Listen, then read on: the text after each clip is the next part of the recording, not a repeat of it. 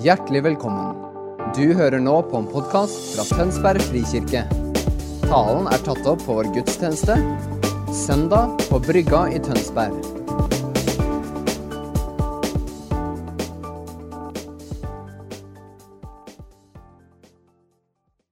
God søndag, alle sammen. I dag så er det jeg som har fått gleden av å få lov til å dele noen ord med dere. Og Jeg har lyst til å begynne å ta oss tilbake til den dagen som vi alle lengter etter. Og Hvis ikke du vet hva det er, så skal jeg fortelle deg det, og det er 17. mai. Ikke sant? Kan du se for deg den dagen hvor det er myldre av liv? Det er så varmt at du må kaste av deg tøyet, og du går i shorts og T-skjorte. ikke sant? Det er deilig stemning. Og nå er det jo, føles det jo litt lenge siden vi har hatt den gode 17. mai-følelsen. Men jeg har lyst til allikevel, selv om det nærmer seg 17. mai og den tida kommer, så er det ikke sikkert at det blir akkurat sånn i år. Men bli med meg til Oslo, så skal vi ta et lite sånn tankeeksperiment der. Se for deg at du går nedover Karl Johan. Ikke sant? Og Du går nedover der, du ser på alle de fantastiske kafeene, og folk sitter og koser seg utenfor. Eh, og så plutselig så ser du en svær folkemengde litt sånn foran Slottet samle seg.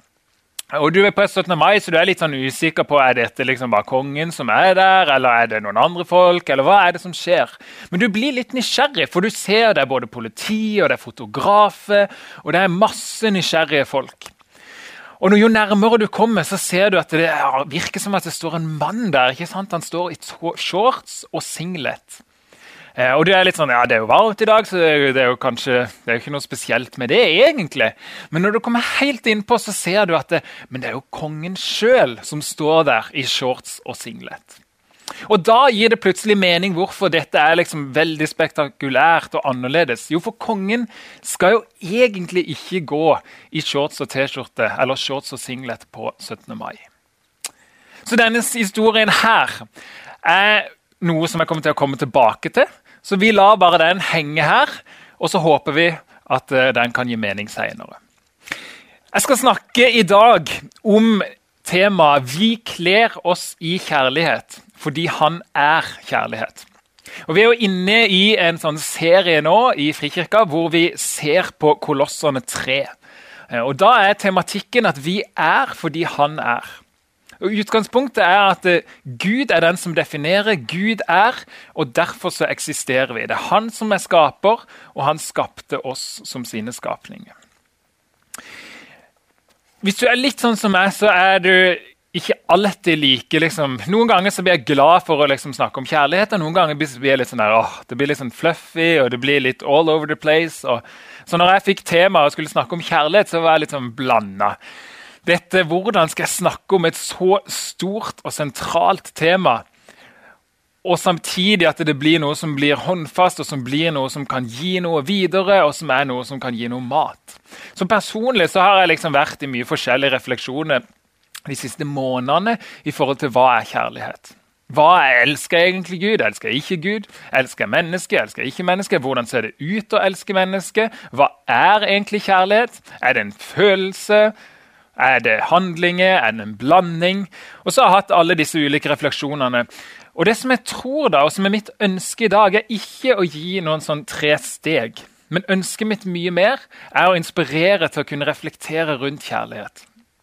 Fordi at Min erfaring med å være en disippel og med å følge Jesus er at måten som livet mitt blir forma på, måten som jeg blir mer kjærlighet på, det er faktisk gjennom refleksjon og samtale, kombinert med å være i et fellesskap, med å søke og lese Guds ord.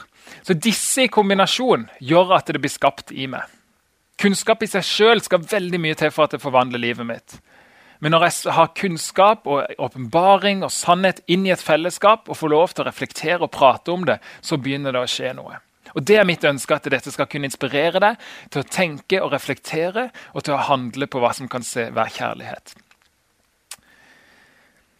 Spørsmålet som jeg har lyst til å begynne med, er vil du bli en bedre kristen. Og Det er et spørsmål som jeg har hatt på en måte gjennom mitt liv. Ikke om Jeg har ikke spurt meg sjøl vil du, men jeg har hatt et ønske om å bli en bedre kristen. Jeg har hatt en ønske om å jeg vil bli mer overgitt, jeg vil bli mer fullt av kjærlighet, jeg vil bli mer glad i folk, jeg vil bli mer tålmodig. ikke sant? Og så er alle disse tingene som jeg ønsker å bli som en kristen. Og Så innser jeg etter hvert at jeg er usikker på om dette paradigmet og denne måten å tenke på egentlig er veldig oppbyggende, eller om jeg egentlig kommer noen vei.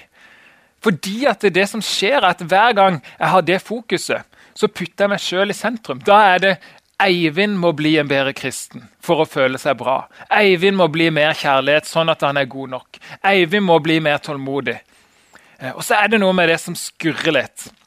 Og Da har jeg fått meg til å tenke, for Hvis vi ser på hva er det verden hva er det samfunnet rundt oss nå er opptatt av, hva er det som skjer der, jo da finner vi en veldig tydelig strømning som putter meg i sentrum. Ikke sant? Hvis du føler for det, det du føler for, det er det som er sant. Det er det som er rett for deg. Jeg må jobbe for å få god økonomi, sånn at jeg kan dra på ferie. Jeg må få bygge et hus. Jeg må gjøre det og det, sånn at det kan bli godt for meg. Og jeg må bli glad. Ikke sant? Det er hele tida fokus på at Eivind må i sentrum. Og så har jo jeg lagd min kristenversjon av det, og det er at Eivind må bli en bedre kristen. Og Det interessante er jo at jeg tror at det fins en annen måte å tenke på, og jeg tror at det kristne verdensbildet ser annerledes ut. Og Hvis vi ser kort på det kristne verdensbildet, hva er det for noe? da? Hvordan ser det ut å tenke rundt disse tingene på en annen måte? Og Da er vi nødt til å begynne helt i begynnelsen av historien. Og Da begynner det med at Gud skaper Gud skaper mennesket til å være sin partner, til å ta vare på jorda og til å bygge og utvikle. Det begynner i en hage, og så slutter Bibelen i en by. Så Hele tanken er at vi skal bygge, men vi skal gjøre det ikke med vår tanke om hva som er best, men i Guds visdom. Så Jeg kan bygge et hus sjøl ut ifra hva jeg tenker er lurt, men det huset kommer sannsynligvis til å rase sammen i løpet av fem år. Fordi at jeg har ikke peiling på hvordan koble strøm, eller hvordan bygge en god vegg som bærer snø, eller hvordan ikke unngå fuktskade. Eh, så jeg kan bygge et hus, men jeg trenger Guds visdom, jeg trenger spesialistene for at det skal være bærekraftig. Og Den historien ser vi malt ut i Gamle testamentet og i våre dager, hvor vi prøver å få til ting sjøl uten Guds visdom, og så faller det sammen. Mens Gud ønsker familier som er sunne, som er hele, eh, som er bygd på gode grunnlag. Så Tanken var at mennesker skulle styre. og Så blir det en krasj. De styrer på en dårlig måte. og Jesus kommer og viser oss hvordan man egentlig skal leve dette livet. Hvordan skal verden styre? Jesus blir konge gjennom evangeliene. så det blir veldig tydelig framstilt at På slutten av evangeliet blir han løfta opp som en konge på korset. Eh, og vist ham for krone, for kappe. og Han er vår konge og den som vi skal følge. Og Han viser oss at å tjene det er veien hvordan vi skal herske og styre denne verden. Å invitere Sakkeus, invitere seg selv på middag til Sakkeus, det er måten. Å ta vare på de utstøtte og besøke de som ingen andre vil besøke. Helbrede de syke. Det er måten som vi skal elske og styre denne verden på. Men så er utfordringa at det, det slopper ikke der. Veldig ofte når vi snakker om det kristne verdensbildet, så tenker vi at det handler om fram til Jesus og så vårt liv. Men det er lenger og det er større. Vi er nødt til å ha med oppstandelsen hvis vi skal snakke om dette. Så Hvis vi får med oppstandelsen i dette bildet, så er jo bildet at Jesus døde og sto opp igjen. Og På samme måte så sier han at vi òg skal dø en dag, og så skal vi stå opp igjen til et nytt liv og få en ny kropp, og at Gud skal gjenopprette og gjenopprette hele skaperverket. Og Det er jo vårt privilegium, og det er vårt verdensbilde, som på mange måter er superradikalt ute i verden. At vi tror faktisk at kroppene våre skal gjenoppstå, og vi skal leve i en evighet sammen med Gud. Så Det som Gud begynte i hagen, det skal vi fortsette med. Å styre og være i denne verden inn i all evighet. Og Så er det veldig mye mer enn det som kommer til å skje i evigheten. Men det er i hvert fall noe av det. Og da, Hvis vi skal putte oss sjøl tilbake igjen inn i dette bildet, så handler jo det om at jeg lever ikke for at jeg skal bli en bedre kristen. Men jeg lever faktisk for at det som Gud holder på å gjøre i verden, skal bli fullført. Jeg lever ikke for meg sjøl, men jeg sier Gud, det er ditt prosjekt. Det er du som driver på med dette, og så blir jeg med på det som han holder på med. Så fokuset er ikke lenger hvordan kan Eivind bli en god kristen, men fokuset mitt er det som vi kaller kjærlighet, som handler om at jeg ønsker å gjøre noe fordi jeg ønsker å glede han. Jeg ønsker å glede Gud. Jeg ønsker å være til glede for han med livet mitt. Ikke fordi at han ikke er glad i meg, i utgangspunktet. Gud er superglad i meg. Men fordi at en har kjærlighet som søker ikke mitt, men jeg søker at han kan bli glad. Jeg søker Hva er det som Gud, hva er det som gleder deg? Hva er det du holder på med? Hva er det jeg kan bruke livet mitt på? Og Her er det veldig fort at det er to grøfter som vi kan handle i.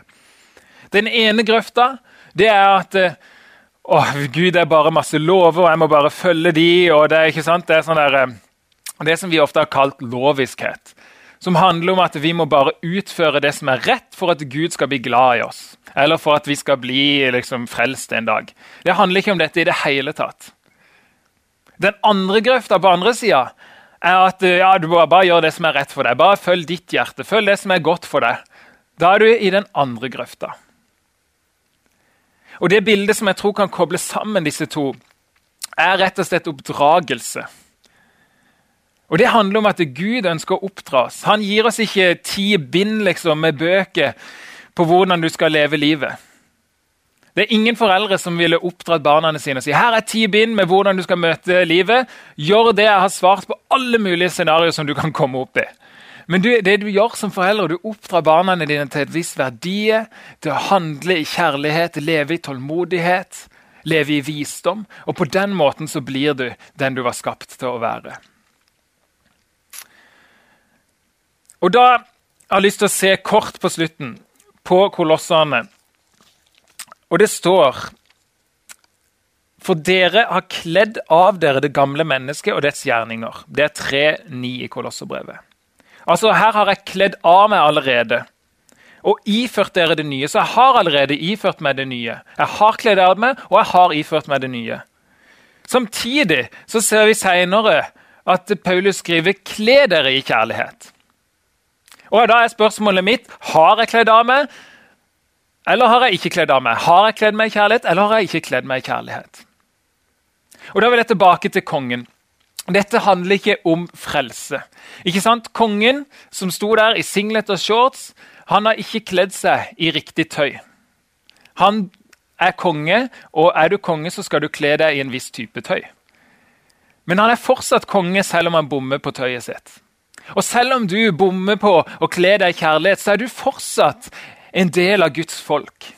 Selv om ikke du kler deg i noe som helst kjærlighet, og du tenker at jeg er den dårligste, jeg har ingen kjærlighet, jeg har ingen tålmodighet, du er fortsatt Guds barn.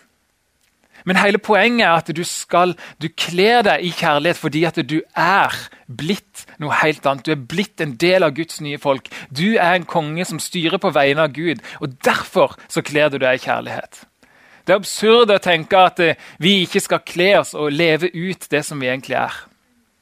Og På samme måte så kongen kler seg i det tøyet han kler seg fordi at han vet at han er konge. Andre ord på dette som Bibelen bruker, er 'vær hellig slik jeg er hellig', eller 'slik Gud er hellig'. Betyr det at eh, jeg er blitt hellig, eller skal jeg være hellig? Ja, begge deler. Jeg har allerede blitt ikledd Kristus. Samtidig som at jeg skal få privilegiet å få lov til å vokse mer og mer inn i det. Og Det tror jeg skjer ved at vi flytter oss sjøl ut av sentrum og sier Jesus, dette livet handler ikke om meg. For når jeg kommer ut av sentrum, da begynner man å nærme seg kjærlighet. Hvordan kan jeg elske Gud hvis det eneste som jeg tenker på, er hvordan kan jeg bli en bedre kristen? Fokuset går innover. Men med en gang jeg sier Gud, du har satt meg inn i denne store fortellinga her. Hvor kjærlighet handler ikke bare om dette livet her, men det handler om hvordan kongen, det handler om hvordan jeg skal leve livet mitt inn i evigheten. Jeg har begynt å leve evigheten her og nå, og det former han i oss. Så til slutt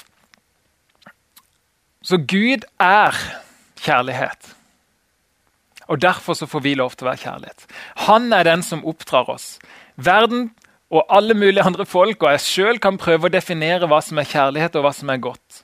Men hele poenget er at det er Gud som må få lov til å definere hva er det som er kjærlighet, hva er det som er godt og ondt. Og Det er der vi begynner reisa vår. Jeg vet ikke hva kjærlighet er, veldig mange ganger, men jeg vet at jeg er en disippel av Han hver gang jeg har tanken om at det ikke vet. Så Når jeg ser min egen tilkortkommenhet, så vet jeg at ok, Eivind, du er en disippel, du må gå til Jesus og spørre han hvordan dette ser ut. For det er han som definerer, og det er han som er, og det er han som kan oppdra oss til å bli et folk som lever i kjærlighet. Jeg har lyst til å be til slutt. Hellige Ånd, jeg takker deg for at du er den som skaper og former kjærlighet i oss. Og Jeg ber nå om at vi skal være et folk og en kirke som er gjennomsyra av dine perspektiver, Jesus. Og ber Helligånd om at eh, selv om vi når vi ser på livene våre, så føler vi kanskje at vi falt til kort noen gang, eller at vi ikke er nok kjærlighet, eller ditt og datten, men jeg ber Helligånd om at det skal lede oss inn til å være disipler av deg som sier Jesus, du er den som definerer, du er den som oppdrar oss og lærer oss hva kjærlighet er. Amen. Takk for at du hørte på vår podkast. Har du spørsmål eller ønsker du å vite mer? Søk oss på vår nettside tonsbergfrikirke.no. Du er også velkommen til kirke på Brygga i Tønsberg.